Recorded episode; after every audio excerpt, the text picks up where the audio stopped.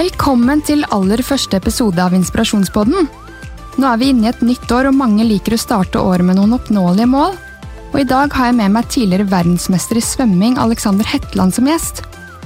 Jeg ønsker å høre annet om livet som toppidrettsutøver og veien til å bli verdensmester. I tillegg har Alex vunnet Mesternes mester i 2015 og Skal vi danse i 2019. At Alex har et konkurranseinstinkt og virkelig jobber hardt, er det ingen tvil om. Som barn blir mange av oss sendt på ulike idretter av foreldrene våre, og noen gjør det for gøy, mens andre velger å virkelig satse. Jeg vet at Alex vurderte å legge opp svømmingen flere ganger før han nådde toppen. Vi alle møter på perioder i livet som er lite motiverende og inspirerende, og i dag håper jeg vi kan bli litt klokere på bl.a. hvordan man kan finne motivasjon til å nå målene sine, og hvordan man kan sette seg små mål i hverdagen. Vi skal innom hvem Alex egentlig er, både fra oppveksten til svømmekarrieren og videre til livet som en vanlig person. Vi tar også selvfølgelig et dykk i kjærligheten. Velkommen i studio. Tusen takk. Veldig hyggelig å se deg igjen. Ja, takk i like måte. Takk for det. Jeg tenker Før vi går liksom eh, ordentlig inn i din karriere og hva du har vært igjennom og hvordan du har jobbet målbevisst, så må vi ta et lite steg til barndommen din og okay. hvordan den målbevisste Alex gradvis ble til. Ok, ja. Jeg skal prøve å huske. Um, ja, hvor skal jeg begynne? Jeg, jeg tror jeg har alltid vært ganske sånn opptatt av å nå målene mine. Uh, eller i hvert fall sette mål. Uh, det kan være fra jeg skulle ha bygge en eh, hytte i, eh, i, i et tre. Ja. Hvor jeg da, det virker veldig sånn banalt, men jeg husker liksom at hvis jeg var på uh, hytta en hel sommer, da, skulle liksom bygge en hytte i et tre, så tenkte jeg ikke på noe annet enn det. Nei. Det var veldig sånn, jeg Da skulle lyst... den hytta bli ferdig. Den skulle bli ferdig, Ja. Og den skulle bli ganske kul. Eh, og, så, så jeg tror nok jeg har hatt en annen slags sånn indre drive da, til mm. å kanskje gjennomføre. eh, liksom, og jeg tror nok at det er det som har gitt meg mye av den energien som jeg henta ut i f.eks. idrett. Ja. Mm. Drev du med litt forskjellige idretter når du var barn, sånn som mange gjør, eller var det kun svømming fra første Eh, nei, jeg drev, nei, svømming var litt sånn tilfeldig. Det var jo bare sånn at jeg ikke skulle drukne. Ja. uh, som veldig mange begynner med. Uh, så, så jeg drev med ja, Jeg spilte litt tennis, og så drev jeg faktisk mest med ishockey. Ja. Eh, og ishockey var liksom det jeg drev med og fokuserte på kanskje frem til jeg var ja, sånn syv-åtte år. Um, og jeg drev jo med svømming ved siden av, men uh, jeg er jo du kjenner meg jo, men uh, de som mm. hører på, vet jo ikke det her. Men jeg er jo ekstremt distré. Ja. Så, og jeg var det i hvert fall da jeg var liten. Så jeg hadde hodet mitt uh, mer på det jeg skulle gjøre, og ikke det jeg eksempel hadde på meg, eller ting jeg skulle huske. Ja. eller sånne ting. Så jeg var veldig uh, Ishockey er en utstyrsidrett. Ja. Uh, og uh, titt og ofte så mistet jeg alt dette her utstyret mitt. Ja. Uh, og det endte opp med en dag hvor vi var på vei til ishockeytreningen, hvor jeg bare sa til moren min du, uh, har du sett de der skulderbeskytterne mine, eller? Ja. Og da husker jeg da bare stoppet hun bilen og snudde rundt på veien og bare det her gidder jeg ikke mer. Nei, men det er jo dritdyrt med ishockeyutstyr. Ja, ja. Så Ja. det var jo, jeg glemte ting hele tiden, og da var det veldig lett å bare holde seg til svømming. da. Ja. Det er speedo og svømmebriller, så det er ganske sånn enkel. Veldig enkelt. Ja, så det valget ble tatt litt for meg, da. Ja, Mm. Gøy. Men eh, var det sånn at du vokste opp i Oslo, eller vokste du opp i USA? Uh, nei, jeg vokste opp i um, Jeg vokste opp i Oslo, jeg, var født, eller jeg er født i Tromsø. Uh, så flyttet vi uh, til Oslo eller Bærum når jeg var sånn fire-fem år. Eh, og da mistet jeg nordlands-Tromsø-dialekten min. Eh, og så flyttet vi til USA når jeg var uh, rett før jeg fylte åtte år. Ja. Og så var vi der i to og et halvt år. Så det var liksom der jeg begynte å Det var der moren min snudde rundt på motorveien Ja. og ikke gadd mer ishockey. Ja. Og der har de jo veldig bra treningsopplegg for svømming, så jeg var litt sånn så det var der jeg på en måte virkelig begynte å, å dyrke den eh, svømmingen. Og, jeg tror, og det var kanskje det var når jeg bodde i USA at jeg kanskje satte meg mitt aller første langsiktige mål. Ja. Um, og det var et mål som var uh, ja, jeg var vel kanskje ni år, og da satte jeg meg et mål som skulle ta meg 13 år da, å gjennomføre. Og det var å gå på college i USA. Ja, og det Eh, gjorde du jo til slutt. det gjorde jeg. Men det kan vi gå tilbake til etterpå, da. Men, Men, det husker jeg at uh, det var liksom noe som alle snakket om. da. Jeg visste ikke helt hvorfor jeg ville det, men alle snakket om at eh, yeah, I'm gonna go to college and Ja. uh, get a scholarship. Og det var liksom, ok, kult, det, det vil jeg også. Og så husker jeg at når jeg kom hjem eh, til Norge, da var det liksom når jeg tenkte at jeg hadde hatt en fantastisk periode. Vi bodde i San Diego, vi bodde på en måte nærme strand, og jeg lærte meg å surfe, og det var liksom en veldig sånn fin periode i livet mitt. Så jeg merket at jeg liksom hadde lyst til å komme meg tilbake til USA da, Ja. på en eller annen måte. Og hvis jeg fortsatte med idretten og ble god i svømming, så kunne jeg på en måte uh, gå på college og få en gratis utdanning Ja, eh, ja. i USA og på en måte flytte tilbake dit. Så det ble liksom et sånn langsiktig mål som jeg da Så gjorde. du klarte. Ja. Ja, gøy. Men uh, det er jo ikke alltid man syns idrett er så gøy når man er uh, liten. Eh, hva var det som gjorde at svømming ble liksom det du merket at du ville holde på med, fremfor ishockey f.eks.? Um, ja, akkurat ishockeyvalget ble tatt litt for meg. Det, men jeg husker at jeg protesterte ikke så mye når moren min sa sånn Nei, det her, jeg, jeg, jeg, jeg orker ikke mer, jeg orker ikke å kjøpe mer utstyr til deg. Så det ble litt sånn, ok, greit nok. Jeg tror nok det var Det kom til et punkt hvor jeg trente såpass mye, begge Ja. deler, at det var vanskelig å, å gjøre to idretter eh, fullt ut. Så altså med svømming, det jeg merket at det var så Det er jo ekstremt målbart. Ja. Så du vet jo Du kan komme på sjetteplass eh, i et heat, eh, men fortsatt sette en ny personrekord og egentlig ha vunnet over deg selv. Ja. Så det var veldig sånn, jeg merket hele tiden at jeg, jeg ble bedre. Og selv om jeg ikke var best, det var liksom ikke noe mål å, å bli best, men jeg merket at jeg liksom hele tiden kunne forbedre meg. Ja. Eh, og jeg tror det ga meg en del motivasjon. da. Så jeg tror det var mer det enn at jeg tenkte at oh shit, svømming det er verdens kuleste idrett. Ja. Det her skal jeg bli best i. Ja. Det var mer sånn at å ja, det her, ok, men kanskje jeg kan bli litt bedre. Kanskje jeg kan bli litt bedre en gang til, og hvis jeg blir litt bedre enn det, så ja, da kan jeg bli eh, Kanskje komme på juniorlandslag. eller- skjønner, Det var veldig sånn det var lett å sette seg kortsiktige mål. da. Ja. Eh, nei, for jeg husker jo når jeg svømte selv, så jeg blir jo mobba for det litt eh, den gang eh, dag i dag. Ja. eh, og det var liksom, hvis det var litt for mange harde treninger i uka, så kunne jeg være den som svømte ned til bunnen og blåste bobler opp på de som Altså, jeg syns ikke alle treningene var like Ja. morsomme, da. Eh, så til slutt så sluttet jeg jo fordi jeg hadde lyst til å henge mer med venner, og, Mm. eh, og jeg var veldig sånn da jeg var yngre at eh, hvis ikke alt var gøy hele tiden, så, så sluttet jeg med det. Mm. Ja. Men, eh, og det er jo sikkert sånn for deg også som har drevet med det, at eh, alt var ikke like gøy hele tiden. Men hva er det som fikk deg til å bli de gangene det var litt kjedelig? Ja, eh, det var jo kjempemange ganger det var kjedelig. Ja. Det er jo liksom Uansett hvor mange ganger man hopper ut i et kaldt basseng, Ja. så er det dritt. Liksom. Du blir aldri vant til å eh, hoppet i kaldt vann. Uh, jeg hater det fortsatt den dag i dag. Kalde, våte fliser uh, klokka seks om morgenen på vinteren. Det er helt forferdelig. Ja, det er det. Så, men, men det er et eller annet med det der og at det målet du har, da, det gir deg såpass mye energi at det er viktigere å det, er liksom, det, er mye, det målet å gjøre noe som får deg til det, er mye viktigere enn å ha det digg Ja. hele tiden. Um, så, så for meg så har jeg aldri sånn tenkt på min karriere innenfor idrett at og det var slitsomt, eller å, der ofra jeg veldig mye. Uh, jeg ofra jo masse. Det var Ja. helt sinnssykt mye ting jeg ikke har fått være med på. Uh, men så er det jo sinnssykt mange ting jeg har fått være med på. Ja. Um, på grunn av det. Så, men jeg hadde nok en ganske sånn down-periode på ungdomsskolen. Mm. det var, hadde, jeg hadde kommet tilbake fra, fra USA. Uh, Da gikk jeg fortsatt på barneskolen, jeg var vel 10-11 år. Og så etter et par år så begynte jeg på ungdomsskolen. Og da var det liksom sånn der Plutselig så var det ikke så kult å drive med idrett, og det var da litt sånn sånn Noen var litt kule, begynte å feste. Ja. Sånne ting, ikke sant? Og det er jo da mange slutter også. At man merker, det er da først man merker at shit, jeg går jo glipp av ting. Ja, ja, ja.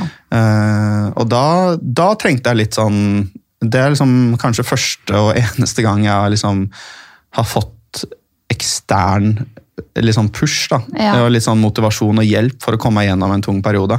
For Da husker jeg, da hadde jeg tenkt til å, til å slutte. Men da fikk jeg litt sånn hjelp av, eh, og særlig moren min, som var sånn Ja, men du, eh, ikke tenk så mye på det. Jeg kjører deg på trening, liksom. Ja. Jeg, eh, du, jeg har tro på at du kan bli god, og det er, det er ikke så farlig å være med på de her festene. Jeg lover deg, du kommer til å se det om et par år. At de festene, Du har de, festa nok nå, for å si det sånn. ja, ja, jeg har festa mer enn nok nå. Jeg har helt, tatt helt av siden jeg slutta. Du er partykonge nummer én. Ja. Så, nei, men, ja, så, så det var litt sånn så da fikk jeg litt sånn hjelp, da. Men det var ikke så mye. Det var liksom, Jeg har aldri blitt pushet hjemmefra, så det har liksom alltid kommet øh, fra meg selv. Som Foreldrene mine har ikke drevet med svømming, uh, og det har liksom ikke vært noe sånn Vi vil at du skal bli god i idrett, men det var bare Jeg hadde gode trenere og ålreit folk på laget, så jeg syntes at det var kult å dra på trening. Og Men- da, men så fikk jeg litt hjelp akkurat der og da, og det fikk meg gjennom en, en tung periode. Men ungdomsskolen er jo også en veldig påvirkelig Eller man blir lett påvirket av eh, de Ja, og så er man så usikker. ikke sant? Man Ja. Mm. er liksom opptatt av å være kul og bare og det, Jeg husker sånn jeg, jeg kom på jeg kom på skolen sånn Uh, første time, og da liksom hadde, var våt i håret og kom fra morgentrening. og Mm. Man hadde- kjenner igjen svømmere på skolen, for å ja, si det ja, sånn. ikke sant? Jeg hadde, liksom, jeg hadde, jeg hadde stått opp halv seks Ja. Mm. eh, for å trene før skolen. Kom på skolen, var sliten, hadde trent i to timer. Og bare og så husker jeg liksom, folk var bare sånn «Åh, hvorfor, hvorfor gidder du det? da?» Og så bare «Ah, Hvem er det som lukter klor her? Mm. Ja. Det, liksom, det var, det var så Jeg følte meg ikke noe kul i det hele tatt. Nei, stakkar. Og så, mens nå, når jeg ser tilbake på det, så bare sånn, ok, du var 13 år og sto opp eh, og trente før skolen tre ganger i uka. Ja, men det man, var man skjønner ikke at det er kult før det man var jo kult, eldre. ikke Ja. sant? men det var jo ingen andre som syntes at det var kult. Det som var kult, var å eh, være førstemann som begynte å røyke i klassen. Ja. Mm. ikke sant? Um, Den tid, det er det jo ikke Ja. nå lenger, heldigvis. Nei, det har jo forandra seg. Nå er det jo helse og sånne Mm. Ja, ting som Så er nå hadde, sant? Jeg, jeg, jeg var født 20 år for tidlig. ja, Jeg ja, men jeg har tenkt på det samme. Altså, når jeg ser liksom, eh, ja, hva du har fått være med på i ettertid, og flere liksom, eh, enten det har vært svømmere eller andre idrettsfolk, da, Mm. så blir jeg sånn fader at jeg liksom ikke var sterk nok til å bli værende i eh, idretten. Mm. At jeg bare var sånn Nei, jeg vil være med venner etter skolen. Jeg har lyst til å dra på fest på lørdag, liksom. Ja. Eh, 13 år og bare Ja, men der og da så føles Jeg husker sånn eh, ja, Det var noe jeg kom på akkurat nå. Det var sånn natt til 1. mai, sånn stor Ja. festegreie. festgreie. og liksom Alle skulle på noe, men jeg skulle jo trene 1. mai. Det var liksom ikke noe Selv om det var fri fra skolen, var det ikke Ja. fri fra trening. Nei. Så jeg husker at liksom alle snakket om den kule festen du skulle være med på. Det var sånn første gang jeg virkelig merka FOMO. da. Mm. Ja, ja. Før det begrepet var oppfunnet i liksom 1997, så, var, så, så satt jeg inn på rommet og bare hadde tidenes FOMO. Uff meg, herregud. Ja. Nei, men eh, jeg tenkte vi kunne gå litt over til um, de årene du bodde i USA. Ja. Om du kan fortelle litt om uh, ja, de årene der, og hvor du bodde, og hva Ja, du gjorde. så jeg nådde jo det der eh, målet mitt da, med å dra på college i Ja. USA. Eh, Så når jeg var uh, 22, da hadde jeg studert et par år på BI først, og så mens jeg svømte, men det var veldig vanskelig å, å kombinere uh, svømming og studier i Norge, og særlig med landslag da vi reiste jo sikkert 100 pluss dager i året. Um, ingen var keen på å være på kollokviegruppe med en som aldri var der. Det var liksom, det var ikke noe fett. Men, um, men så fikk jeg eh, og, da- og da var jeg liksom, jeg må og jeg hadde alltid hatt lyst til å dra til USA, og det var liksom tidspunktet. da. Så da, da først så fikk jeg eh, et scholarship på en skole i Texas, i Dallas, som heter SMU, som har et veldig bra svømmelag. Um, de som, eh, de som kjenner til svømming, vet at eh, OL-vinner eh, Lars Frolander eksempel, eh, eh, studerte der, og mange andre veldig gode europeere har vært der. Så det var liksom et veldig bra svømmelag, og det var en veldig god skole. Den var liksom ranka topp ti business school i USA mm. når jeg dro over. Så det var liksom bare sånn, tenkte shit, ok, det her, det her skal jeg gjøre. Og, og det, de årene der er når jeg ser tilbake på nå, noen av de fineste årene jeg har hatt. Eh, Det var liksom Det var en periode hvor jeg gikk fra å være liksom eneste på trening, nesten. Ja. ikke sant? Sammen med, Jeg hadde veldig bra forhold til, til treneren min, Sondre. og Jeg hadde god fremgang, jeg hadde begynt å gjøre det ganske bra eh, etter videregående, men jeg fikk liksom ikke den helheten. Jeg følte at jeg har alltid hatt ganske vært ambisiøs også når det kommer til det akademiske. Jeg følte at jeg fikk ikke nok ut av eh, måte, den tiden på BI, og jeg var ikke der nok til å virkelig liksom, gå ordentlig inn i det. Um, og jeg hele tiden måtte gå på kompromiss med ja, å være sosial. Så jeg følte at jeg liksom ble, ble dratt mellom ting hele tiden. Når jeg kom bort dit, så så, så, hadde jeg, så plutselig så ble jeg tatt imot av et lag med 25 andre karer da, som var på min alder, som Mm. Ja. også svømte eh, og gikk på skole og var sosiale. Så jeg liksom, og treneren var ansatt av skolen, vi, vi trente på skolen, vi, eh, jeg fikk på en måte alt dekket, så Mm. jeg hadde ingen utgifter til, eh, til bo eller bøker eller mat eller noen ting, så det var veldig sånn ganske gunstig opplegg. Ja. Uh, og, så, og så hadde jeg dager som var sånn Ja, det starta klokka seks da, med, med morgentrening.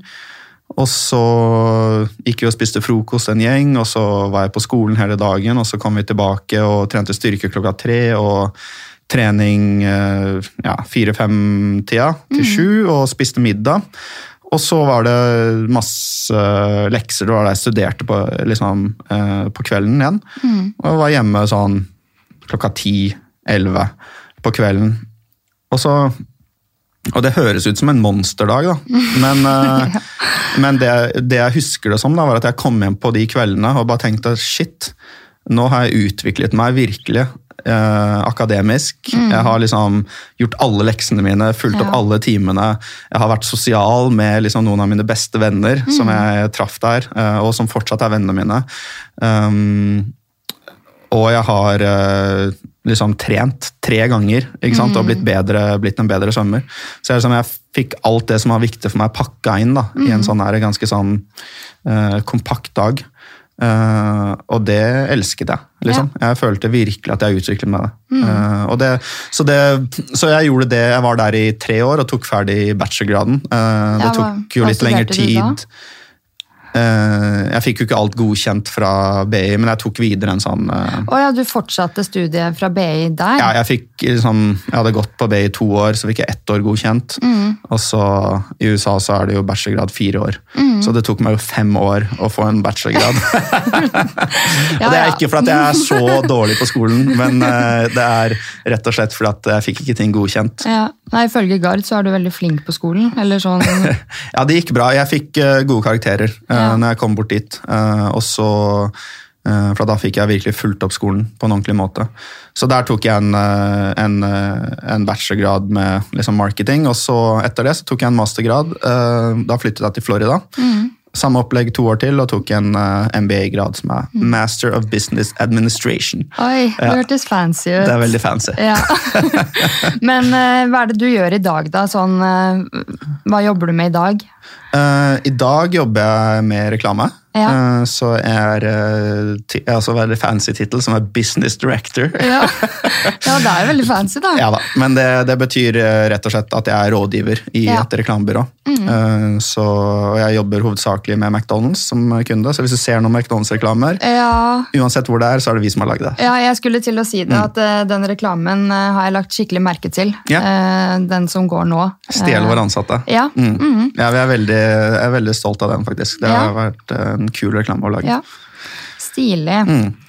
Um, ja, Er det noe mer du vil fortelle om USA-årene dine? Ja, det, jeg tenker at for meg så var det mm, Jeg endte opp med å være i USA i syv år, da. Oh, ja. Så jeg var eh, først tre år i, um, i, i Dallas, Ja. uh, i Texas. Og så var jeg tre år i Florida. Mm. Så da tok jeg den, eh, den mastergraden, og så jobbet jeg et år.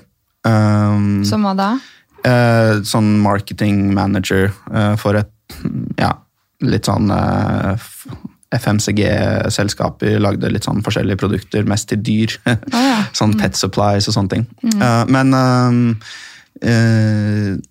Og så, etter det, så sa jeg opp jobben. Og så var jeg proff svømmer et år, og da flyttet jeg og Gard til Michigan sammen. Ja. Og var der i et år.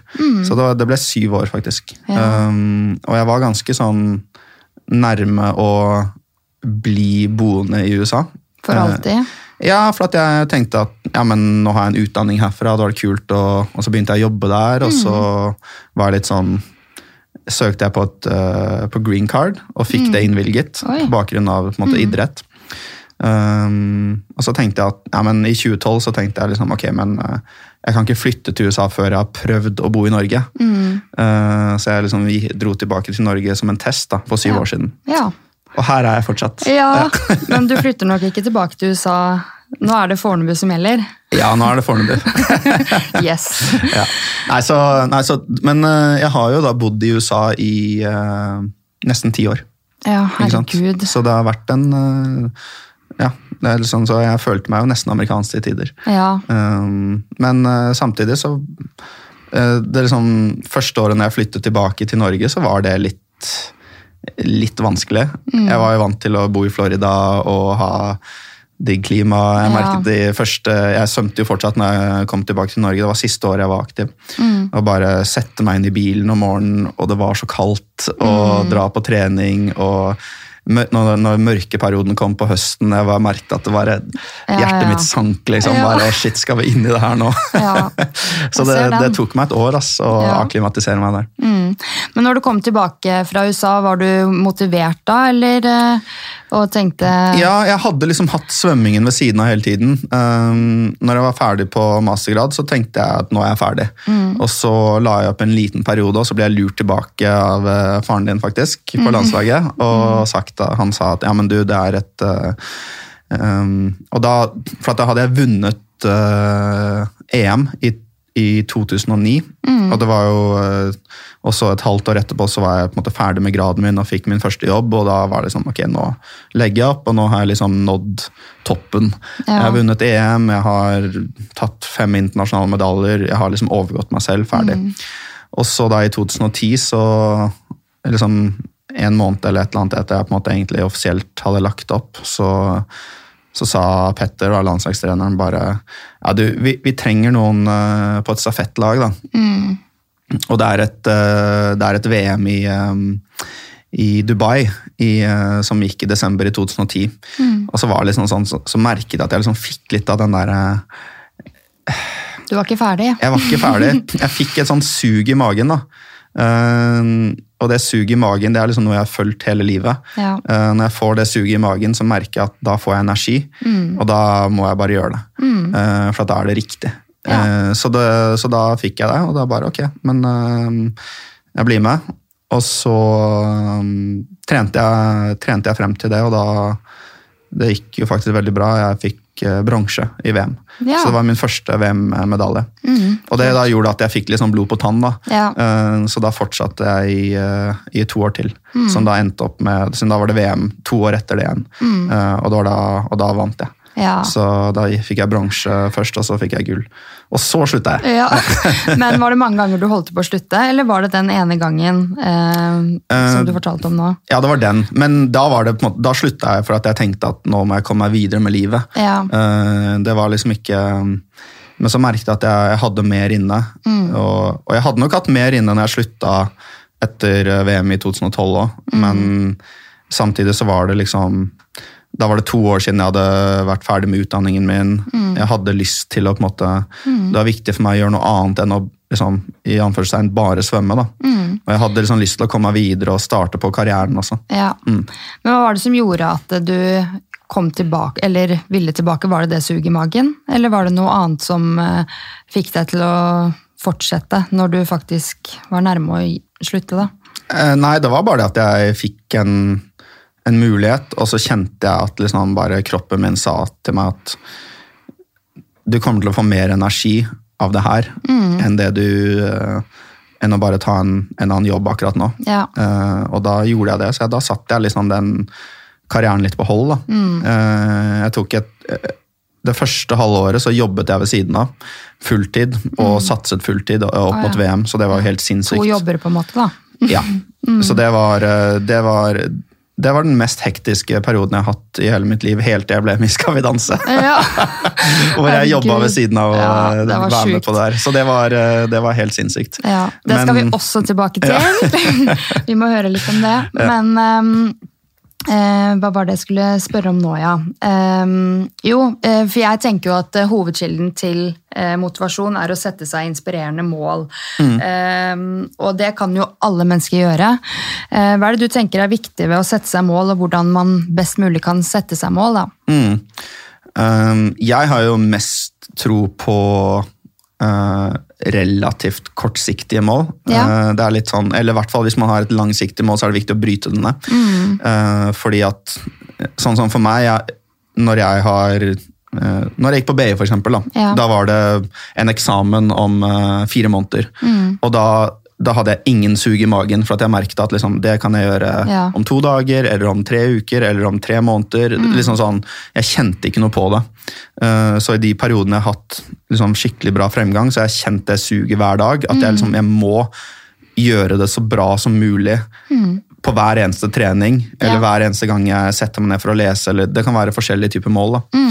At, jeg liksom, at man kjenner på en eller annen slags uh, hastverk eller urgency. Da. Eh, så, Det så er jeg- det som funker for meg òg. Ja. At eh, det må skje i nærmere fremtid, holdt jeg på å si. Ikke sant? Ikke, Ja. Så, så i hvert fall for meg, da, så de målene Når jeg har satt meg mål, og jeg, liksom, har, jeg har hatt liksom, rask fremgang på kort tid, så har det vært uh, Det må være en stretch. Mm. Uh, det må være sånn at Du er ikke helt sikker på om du klarer det, men du føler at hvis jeg gjør alt riktig, så kan jeg klare det. Ja. Hvis du vet at du kommer til å klare det, da, er det, da er det liksom ikke noe Hva er poenget med det målet da? Da er det bare å gå og gjøre det, da. Da, liksom, da utvikler du Så for meg har det vært sånn mål hvor jeg merker at jeg må forbedre meg på en Ja. annen måte. Så hvis det, er, hvis det er svømming, så har det vært øh, et halvt år frem i tid, da er det en stor konkurranse. Og så er det å bare bryte ned det, sånn at jeg vet hva jeg må gjøre hver eneste dag for å, måle det, for å nå det. Og hvis ikke jeg kjenner på at denne treningen her må være perfekt, og hvis den ikke er perfekt, jeg har ikke tid til å ha en dårlig trening, ehm, da, da er man liksom er man liksom på kanten av det man kan få til, og det er det som gir meg motivasjon. Hvis jeg hadde satt et mål som jeg tenkte at ja, men det når jeg ganske lett, da hadde jeg kommet på trening hver dag og vært sånn ok, da skal jeg bare gjennomføre det, klare det, greit nok, og så hadde det vært kjedelig. Og da hadde Ja. jeg slutta på svømming fordi at eh, det hadde vært en kul fest. Ja, Ikke sant? Ja. Så det er liksom den der at du kjenner på at det føles viktig. da. Og det må føles viktigere enn eh, enn å dra på den festen. Og det er liksom når man først begynner å ofre noe, at man ofrer man ofrer noe fordi at det målet ditt er viktigere enn det måltidet, Ja. eller den festen, eller eh, de eh, timene med søvn, eller Ja. hva det nå er. Absolutt. Og da er det jo og da er det ikke et offer. Da, er det sånn, da får du mer av å gjøre den ene tingen enn den andre tingen. Ja.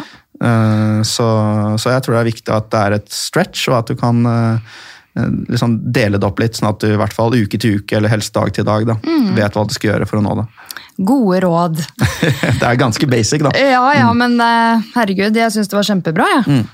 Eh, Men nå som du har eh, fått en litt vanligere hverdag igjen, og du driver ikke med eh, svømming, og du er ferdig i Skal vi danse, hvordan, har du noen mål nå for 2020? Um, jeg har jo det, um, og de fleste målene mine går jo på jobben. Ja. Ikke sant? Så jeg jobber jo med reklame, og, og der er, handler det jo om å levere gode kampanjer. Der kan man også vinne priser, ikke sant? så det er jo kult å, å prøve å få til det. Eh, og vokse bedriften som jeg jobber i, ikke sant? få inn nye kunder, du er ute på pitch, og det er litt sånn så det er ganske mye konkurranseelement i den jobben jeg har, har nå også. Ja, det er jo kult da, at Ja. ikke det bare er en eh, vanlig A4-jobb, Mm. og det samme skjer hver dag. Ja, så det er veldig, det er veldig sånn, det er aldri på en måte like dager. Nei. Så, så, jeg, jeg har på en måte, så det er på en måte mål, og så kommer jeg til å melde meg på noe greier. Jeg skal sikkert løpe sånn sentrumsløp eller et Ja. eller annet sånn ti kilometer, men det er mer bare sånn, Ja, ja. det er det som får meg opp av senga, og at jeg gidder å dra på trening Ja. eh, fire-fem ganger i uka, da, som jeg helst har, har lyst til, for at hvis jeg gjør det, så føler jeg meg mye bedre. Ja. Um, så noen sånne ting må jeg ha. Ja. Ja, det skjønner jeg. Eh, Men eh, det kan vel ikke måle seg med den følelsen når du har vunnet VM og vunnet Skal vi danse og Mesternes mester og eller- Nei, nei, det kan jo ikke det, men eh, det er et eller annet med å bare å gå på trening med en hensikt. da. Ja. Det er veldig, når jeg slutta å svømme, så var det veldig vanskelig for meg å begynne å bare trene vanlig, for at jeg var sånn hvorfor trener jeg? Eller sånn, Jeg klarte ikke å skjønne hvorfor jeg skulle gidde å gå på sats og bare løfte noen vekter. Det føltes så utrolig meningsløst ut. Ja. Um, og så droppet jeg å gjøre det i tre måneder, og så merket jeg å ja, jeg føler meg helt dritt. Jeg har, ja. Kroppen min begynner å forfalle, og psykisk så har jeg det ikke så veldig bra heller. For at jeg liksom får ikke de endorfinene inn, og jeg får ikke alle de positive tingene som trening fører med seg. Så jeg måtte liksom finne nye måter å motivere meg på å bare gå på trening. da. ja. Så det jeg fant da var at uh, hvis jeg trener med noen, så er det en god motivasjon. Da, hvis ikke jeg kommer, så er det noen som kjefter på meg. Mm. Ja. Det hjelper. Ja. Mm. Eh, melde meg på noen ting. Det hjelper. Eh, sette meg noen mål på liksom, hva, hvor jeg har lyst til å være. sånn hvor mye vekter jeg skal løfte, eller mm. en tid på, en, øh, på et løp. eller et eller annet sånt. Mm. Ja. Og liksom prøve å bryte det ned litt. da. ja. Så det, jeg prøver å bruke noe av de samme tingene. Men um, nå som du på en måte vant Skal vi danse, og du har eh, vunnet uh, VM og sånne ting, uh, er det som en sånn kjærlighetssorg når den tiden er over? Eller uh, hvordan har tiden etterpå vært? Um, det er det, litt. Jeg tror det var sånn som når jeg sluttet å svømme, så var det jo litt sånn at jeg måtte bygge en uh, ny identitet Ja. over natta. Mm. du må tenke at um, hele livet mitt så hadde jeg på en måte drevet med svømming. Jeg hadde jo drevet med skole og, og sånne ting ved siden av, men det hadde jo bare vært liksom det var ikke noe folk tenkte på. Det, 90% av de som kjente meg eller kjente til meg, kjente meg som svømmeren. Ikke sant? Og så plutselig var ikke svømmeren en svømmer lenger. Nei. Og da var det litt sånn Who am I? Ja, Hvem er jeg egentlig? ja. Så det var litt sånn Men jeg tror det var uh, Så det var jo en sånn rar periode når jeg slutta å svømme. Mm. men det jeg merket da, var jo at jeg hadde enda mer sånn sug i magen til å få til noe karrieremessig. da. Ja. Uh, Så jeg jeg begynte å jobbe i, uh, i marketingavdelingen i Ringnes. Eh, Der jobbet jeg en del år, og, det, og da var det sånn veldig viktig for meg å få til ting. ikke sant? Å bli sett. Og, så, og det gjorde jo at jeg etter hvert fikk mer og mer ansvar der. Ja. Uh, Så det var veldig sånn viktig for meg, og det er det fortsatt, å bare vise at uh, jeg er ikke bare han karen som var tidligere svømmer. Nei. At jeg kan uh, få til noe på andre arenaer. Mm. Så jeg har nok den drivkraften litt for å liksom bevise overfor meg selv at jeg pika ikke da jeg var 29. Men det har jo Mm. du vist i Skal vi danse også, ikke bare i jobb, at eh, du er noe annet enn en svømmer, på en måte. Ja, Eh, for det, for det første syns jeg det var jævlig fett at du var med. Det er, eh, det er et program jeg definitivt hadde sagt ja til å være med på. Um, Ja. Så du er sykt heldig. Men du sto jo på som bare det og jobbet ved siden av 100% Du drev og flytta inn på Fornebu i ny leilighet, og du dansa hver dag. Ja. Eh, Så det var en veldig intens periode. Så mm, eh, hvordan eh, eh, klarte du å pleie kjærligheten oppi der? Ja, det um, Jeg tror vi bare Eller i hvert fall jeg trykket på en stor eh, pauseknapp, nesten, for å være helt ærlig. Eh, Pause i kjærligheten? Ja, ikke, eller i hvert fall eh, når, Ikke i kjærligheten, men i hvert fall og det du spurte om, å pleie den. da. Ja. Så det ble jo dessverre mye mindre tid til det. Mm. Vi så ved siden av hverandre. Så hyggelig. Veldig hyggelig. Men stort sett så dro jeg fra hjemmefra Enten så trente jeg tidlig, sånn at vi begynte treningene syv, og da dro jeg hjem fra supertidlig. Eh, Eller så dro jeg tidlig på jobb og trente supersent. Ja. Så stort sett alle dagene mine varte fra halv syv om morgenen til ja, 10, 11, 12, 1 om kvelden, natta. Eh, Så det var jo monsterdager, liksom, ja. virkelig. I tre måneder. Eh, I tre mm, og en halv måned. Men hadde du det gøy hele tiden? For jeg tenker sånn, jeg hadde kost meg 24-7 hvis jeg var med på det der. Men uh, hvordan var det? Ja, det var jo mye som var krevende, Uh, men det var liksom det, Jeg fikk jo trigget den derre uh, Den der målsettinga, eh, liksom genet mitt, veldig, da. For at det var jo det var veldig kortsiktig. Det var én uke frem i tid. Så skal du stå på denne scenen her, og det du kan, det viser du da. Og hvis du trener én time mer på en tirsdag, så kommer det til å se litt bedre ut på en lørdag. Hvis du trener én time eh, ekstra på en onsdag, eller fem timer ekstra på en onsdag, så kommer det til å se bedre ut på lørdag. Så det var jo alltid motivasjon til å bare Ja. fortsette. Så jeg var nok veldig Uh, eller ekstremt fokusert på treningene. Og prøvde å suge til meg så mye som mulig. Og hvis jeg ikke fikk det til, som det var jo masse breakdown, sånn typisk på tirsdagen, sant? Hvor, det, hvor vi skulle begynne å sette sammen koreografien. Jeg følte meg så dum, og når vi filma det de første gangene, det så helt ræbba ut. ikke sant? Jeg bare, herregud. Men å bare stole på prosessen og vite at hver eneste time jeg trener og får coaching av Nadia, så blir jeg bedre. Ja. Og da var det mye lettere å bare Ok, jeg er litt sliten, klokken er ni, men uh, fuck it, skal vi bare trene til klokka ett, da? Ja. Ikke sant? og det var jo hun uh, også heldigvis med på. Ja. Så, så vi pushet hverandre på det, og jeg tror det var det som gjorde at, at det gikk såpass bra for meg. Mm. At, jeg liksom, at jeg klarte å holde fokus uh, i, i time etter time. Mm. Men jeg har hørt flere si at uh, de tror du vant også fordi du er ydmyk.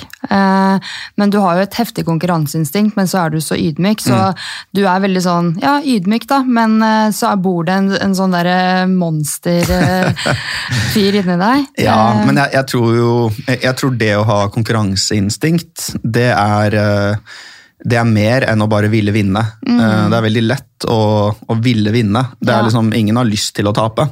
Ikke sant? Eh, Så de fleste blir jo trigget av det. Mm. Eh, Jeg tror mitt konkurranseinstinkt er mer sånn jeg vil prøve å bli så god som jeg kan bli. Ja. Og jeg er ganske flink til å måle meg med mot meg selv. Mm. Så hvis jeg tenker at å shit, hvis jeg gjør alt riktig, så kan jeg kanskje bli så god som det her. Eller den, jeg kan se ut som en såpass god danser. Mm. Eller uh, vi så på noen videoer av, av Egor liksom de første dagene. Jeg bare sånn, shit ass, Kan jeg se sånn det er ut? liksom? Ja. Uh, hadde det som et sånn mentalt mål. Det var liksom, det er det jeg jobbet mot. da. Mm.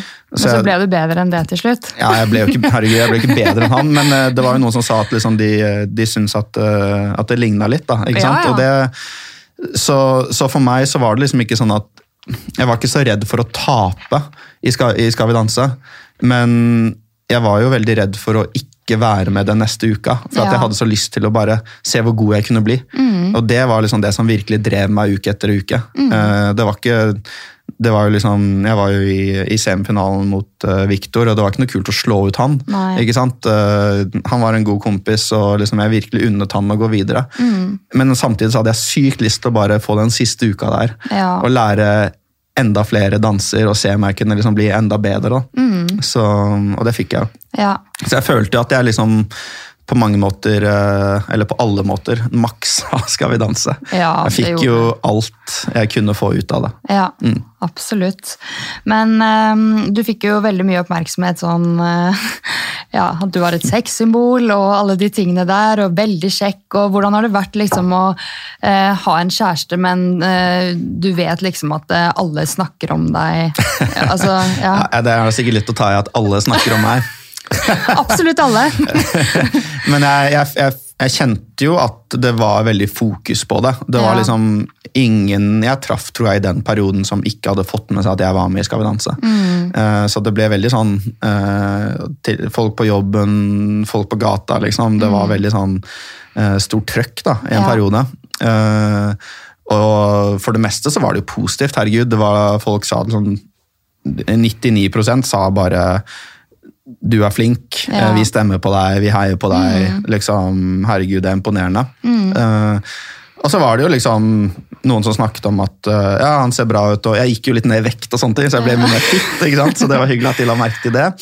Men, uh, men, men, men med tanke på på Kristina hjemme, så er jeg er jo ganske heldig at hun er veldig lite sjalu. da. Eh, hun har jo liksom aldri vært noe sjalu i hele forholdet vårt, og det er litt sånn personligheten hennes. Så Så deilig. ja, så, og, men, så det var mye verre at jeg ikke var hjemme, mm. skjønner, enn at det var litt sånn folk som kommenterte på bildene mine eh, på Insta. liksom. For at jeg tror der følte hun seg ganske trygg. At Ja. liksom, jeg kommer ikke til å hoppe på kjøre masse DMs med folk og sånne ting. Det, men um, Nei, fordi Jeg vet jo at Kristine er en dritbra dame, men um, som kjæreste så er det ikke alle som syns det hadde vært så fett hvis typen får masse DMs og det blir snakket om kropp og utseende. Og, ja, eller så kan du bare være, være stolt. ja, ja, ja, det er jo det beste man kan være, og det er hun jo garantert. Men, eh, Men, ja, ja. at folk liksom Og det, noen ganger så oppstår det jo litt rykter, har dere vært borti det? Um, At det går dårlig mellom dere, liksom, litt sånne ting? Ja, jeg tror ikke det, men eh, det var jo en del som sa til Kristina sånn Um, oh, hvordan er det? Uh, det- ser jo veldig intimt ut ikke sant? når han og Nadia danser sammen. Er det vanskelig for deg? Og, og sånne ting. Og det er jo selvfølgelig litt sånn kjipt å bli spurt om. Eh, og jeg tenker også liksom, når du spør om det, hva, hva slags svar er det du egentlig forventer deg? Da? Ja. hva er det man skal si? da? La oss si at man kjenner litt på det. Altså, ja, jeg kjenner faktisk litt på det. Eh, Det er ganske kjipt. Og så og er det for å liksom få noe gossip og si videre. Ja, jeg snakket med kjæresten hans, og eh, det går ikke så veldig bra, hun syns det er kjipt og sånne ting. Mens eh, Kristina visste jo at liksom, hun hadde vært på, på mange treninger og visste at liksom, det der intime på dansegulvet, det er jo innøvd. Mm. ikke sant? Og det ser jo ikke noe intimt ut når vi begynner å øve på det. Det er liksom det, det er siste dagen at det kanskje begynner å sitte. ikke sant? Ja. Så hun kjenner jo hele den prosessen, men det er jo selvfølgelig Jeg tror nok det var litt sånn Kanskje litt utfordrende, da, at, eh, at folk går rundt og tenker på at liksom å, det, Jeg syns at det hadde vært vanskelig, og, og liksom minner hun på at eh, hun kanskje burde føle seg mer sjalu enn det hun Ja. gjør. Og det er liksom Jeg tenker at det er også litt sånn Folk elsker å sette ut rykter, da. Ja, ikke sant? Så, så det kan jo fort Men herregud, vi visste jo litt liksom hva vi eh, gikk inn i. Og, og for meg var det også liksom viktig å eh, ja, beskytte hunden litt, og på en måte ikke svare på masse av det. og liksom la, det, er sånn, det var jeg som ble med på Skal vi danse. Ja. Ikke sant? Så, og da er det jeg som må Det er litt sånn kjipt at hun må, må også deale med det. da. Ja. Så, men som sagt, det der var bare en bitte liten del av det. Mm. Det, som, det kjipeste var at jeg i tre og en halv måned nesten ikke hadde tid til kjæresten min. Ja. Ikke sant? Mm. Så det var det kjipeste. Så liksom, det, var liksom, det er vanskelig å sånn, som du sier, pleie for forholdet, vokse kjærligheten. Det, sånn, det, det blir satt litt på hold. Mm. Ja. Det betyr ikke at man mister hverandre, men man får jo liksom ikke den der kvalitetstiden eh, ukentlig som man er vant til. da. Bare et rolig oppgradert rom på Farris bad. Ja, vi fikk jo litt perks, da. Så det var jo eh, Ja, det var fint å dra til Farris eh, uka etter finalen. Ja, det skjønner jeg. Men du har jo hatt litt kjærester opp igjennom. Eh, ikke det at jeg vet så sykt mye om det. Men Ja, jeg, ikke så mange, men, eh, Nei, ja. men eh, da lurer jeg på hva er det med Kristina som gjør at du har eh, valgt å fri til henne og er sikker på at det er hun du har lyst til å dele livet ditt med? Eh, Det er jo en, eh, hovedsakelig en følelse, ikke sant? At eh, jeg bare merket hvor keen jeg var på henne når eh, jeg traff henne. Og bare at jeg hadde liksom ikke følt det på den måten før. Så det var et eller annet liksom sånn, noe som bare trigga, trigga meg med en gang. da. Jeg ble veldig forelsket. Og, og liksom det er noe som på en måte har vart, Ja. så det er fint. Og, så, og så er det jo på en måte en, en person som jeg ser eh, på som på en måte en veldig omsorgsfull, veldig gode verdier. Mm. hun, eh, hun har mange gode venner i liksom forskjellige situasjoner, forskjellige steder. Hun er eh, fadder til tre barn, liksom, Ja. så det, det er mange som på en måte stoler på henne. Hun er en veldig sånn god person, da, eh, som, er liksom, som jeg er veldig sånn heldig som kan ha i livet mitt. Ja. Og, og, det, og også jeg er jo litt sånn all over the place og veldig sånn neste ting hele tiden. Da. Eh, og og hun, hun har jo mål, hun også, men hun er jo mye mer liksom, behersket enn meg. Ja. Og, og liksom sprinter ikke hele tiden, og det kan være litt bra for meg også. Ja. Å ha noen som eh, ikke holder meg igjen, men som bare vi skjønner, som jeg må vel i hvert fall Før jeg river veggen i den nye leiligheten, så er det noen som bare Ok, men er du sikker på det? Vi skjønner, Ja. siden jeg bare, jeg bare gjør det, liksom. Ja. Ja. Jeg skjønner. Mm. Nei, men eh, dere er skikkelig fine sammen. ja, takk. Ja. Uh, hvordan vil du beskrive deg selv som kjæreste? Um, ja, jeg vet ikke. Jeg tror um, Jeg tror jeg er ganske ålreit. Jeg uh, Jeg liker å finne på ting, så jeg, jeg har nok en del sånn energi.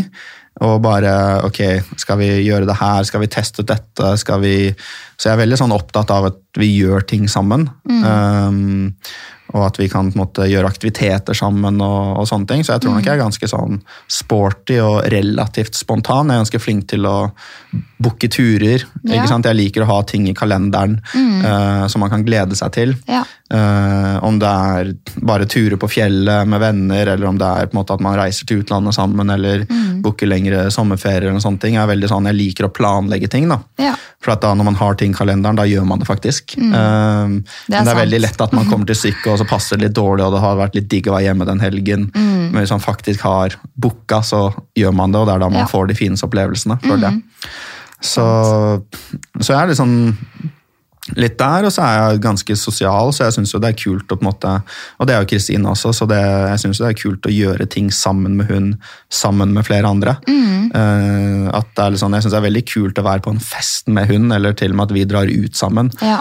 Og uten at vi og Vi kan godt være på et utested sammen, og da liksom vi henger ikke over, over hverandre, men vi har det veldig gøy. da, ikke sant? Og, og det er helt fint om hun er i baren og snakker med andre folk, og, vi skjønner, men at liksom men jeg ser hun for det, liksom, og hun ser meg. Ja. Så jeg er nok ganske Jeg tror ikke jeg er så veldig sjalu, sånn sett. Eh, Jeg tror nok jeg er litt sånn relativt avslappet, men det er også sånn jeg føler meg veldig trygg i forholdet. Ja. Og da er det, så det er litt sånn Ja, så er det, og så liker jeg tidvis å uh, lage mat. ja.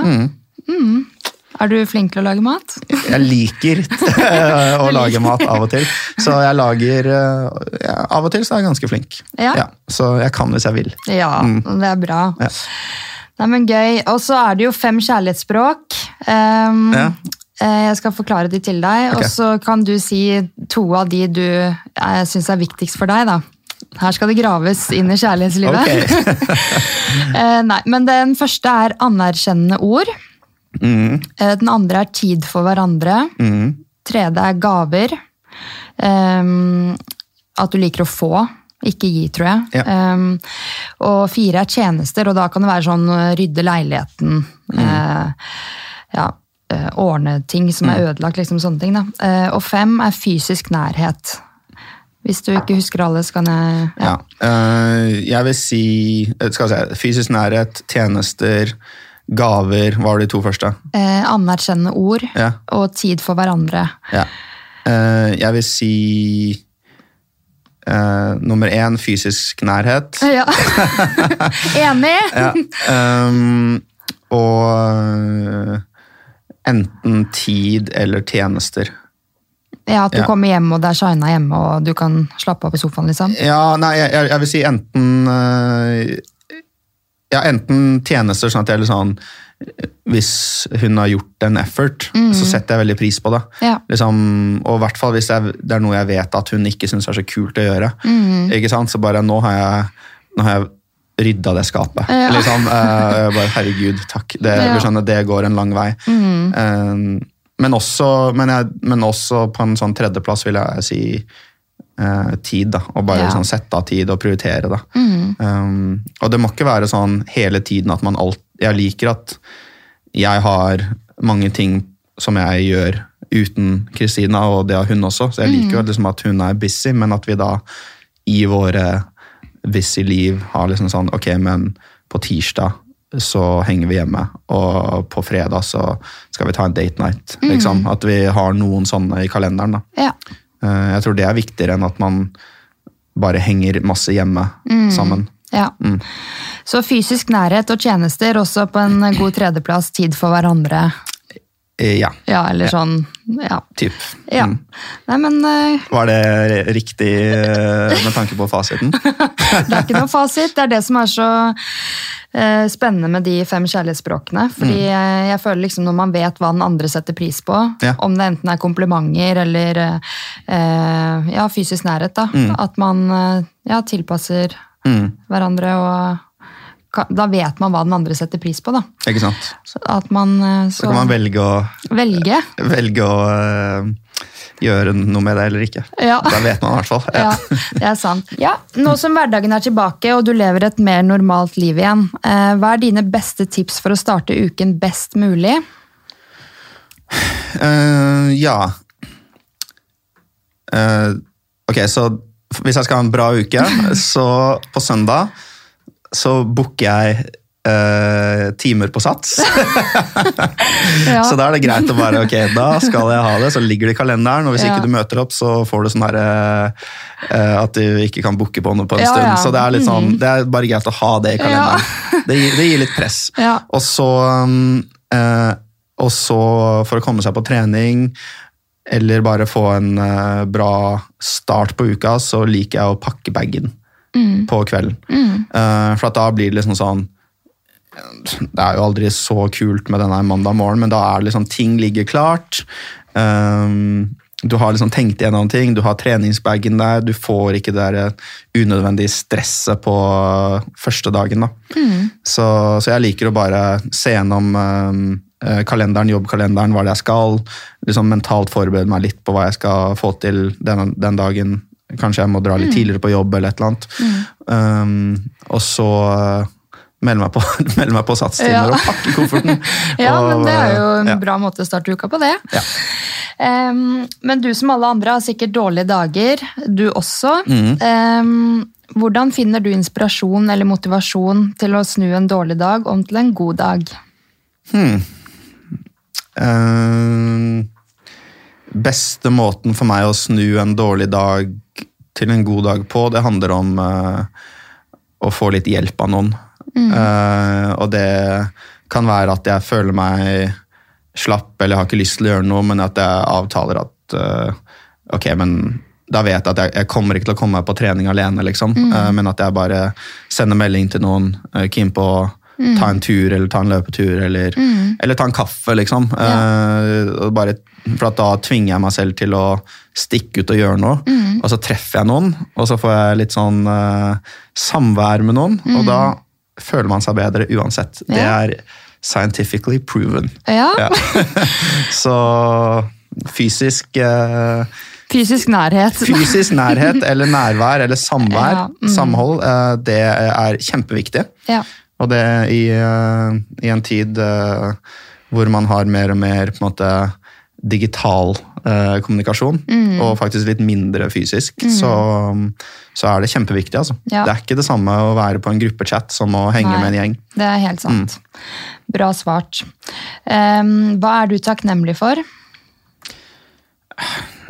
Stort sett det aller, aller meste.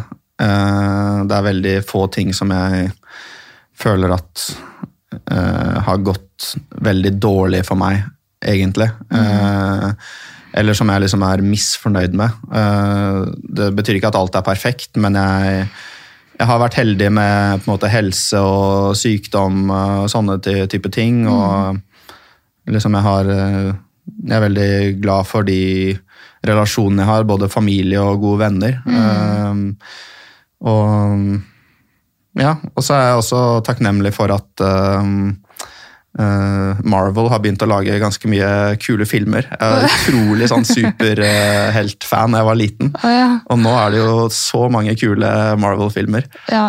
Jeg har aldri sett på noen av de superfilmene. Altså, Nei, jeg var, liksom, jeg var så fan av sånn comic books. Det var når jeg bodde i USA da, som Ja. liten. Og leste alt av det. Og så plutselig så nå, i de siste årene så begynte å komme de filmene av de der heltene som jeg kjente så godt. Og så er det som jeg syns er sinnssykt gode, bra filmer. Mm. Så det gir meg sånne små ting å glede meg til når det kommer nye sånne type filmer ut. ja. Den er ikke på topplista, jeg bare kom på det. Ja. Jeg bare, hva er du takknemlig for? Superheltfilmer. Ja, Marvel. Ja. Og så siste spørsmål i spalten. Hva inspirerer deg?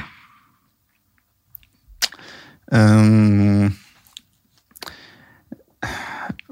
stort sett uh, folk som uh, Sånn som jeg leste boken til Aksel Lund Svindal nå i jula. Den var veldig inspirerende, syns jeg. Um, man kjenner jo mye av det han har gjort i karrieren, men mer sånn hvordan han kom seg fra skader eh, som virket nesten umulig å komme seg gjennom, til å liksom på veldig kort tid være tilbake i toppen. Da. Eh, måten han har tenkt på. Det, det, jeg syns det var veldig inspirerende. Når jeg ser folk som eh, Herregud, jeg var jo på Idrettsgalla nå i helgen og ser Karsten Warholm stå der og få tre priser og gjøre tre vidt forskjellige takketaler som er bare Ja, Fra levra. Mm. morsomme, rørende liksom bare Herregud, han er 23 år, liksom. Det, det var inspirerende. Mm. Ja.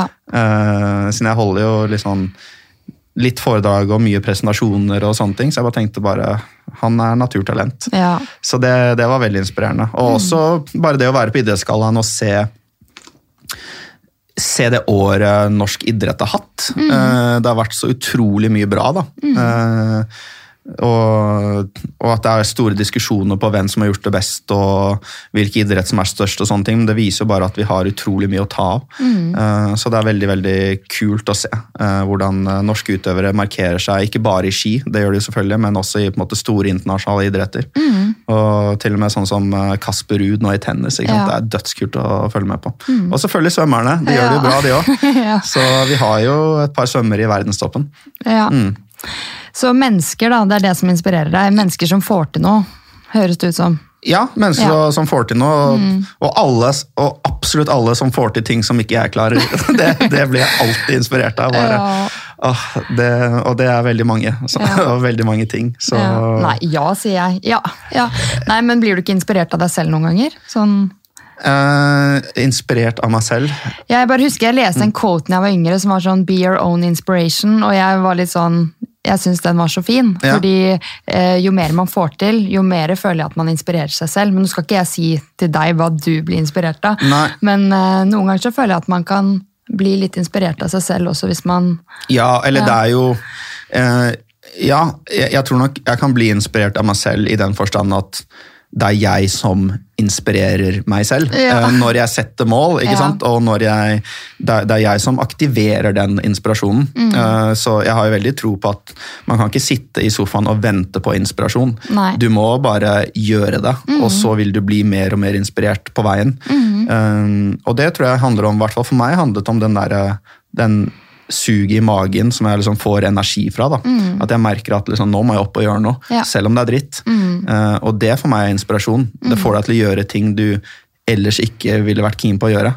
For at hvis uten inspirasjon, så er du jo bare keen på å uh, binge-serier og spise Ja, chips. ikke sant? det. Eh, så det som får deg til å eh, gå på jobb, søke nye jobber, stikke på trening, Mm. dra på en uh, topptur, liksom sånne ting, det er jo ikke komfortabelt. Nei. Men du får jo sinnssykt mye igjen av det. Mm. Så jeg tror det er et eller annet For meg handler inspirasjon Det handler om eh, en eller annen slags indre energi, da. Ja. Som man faktisk kan trigge selv. Bra sagt. Jeg tenker vi avslutter der. Eh, Jeg syns det har vært skikkelig hyggelig å ha deg som gjest. Ja. Eh, Og jeg syns det er litt kult at det er den første podkasten du gjester. Ja. Det, og da, nå blir det ingen flere, så dette er det eneste. Yes. Ja, Nå får du ikke dra til noen andre. Men tusen takk for at du tok deg tid til å komme. Ja, takk selv. Det har vært hyggelig.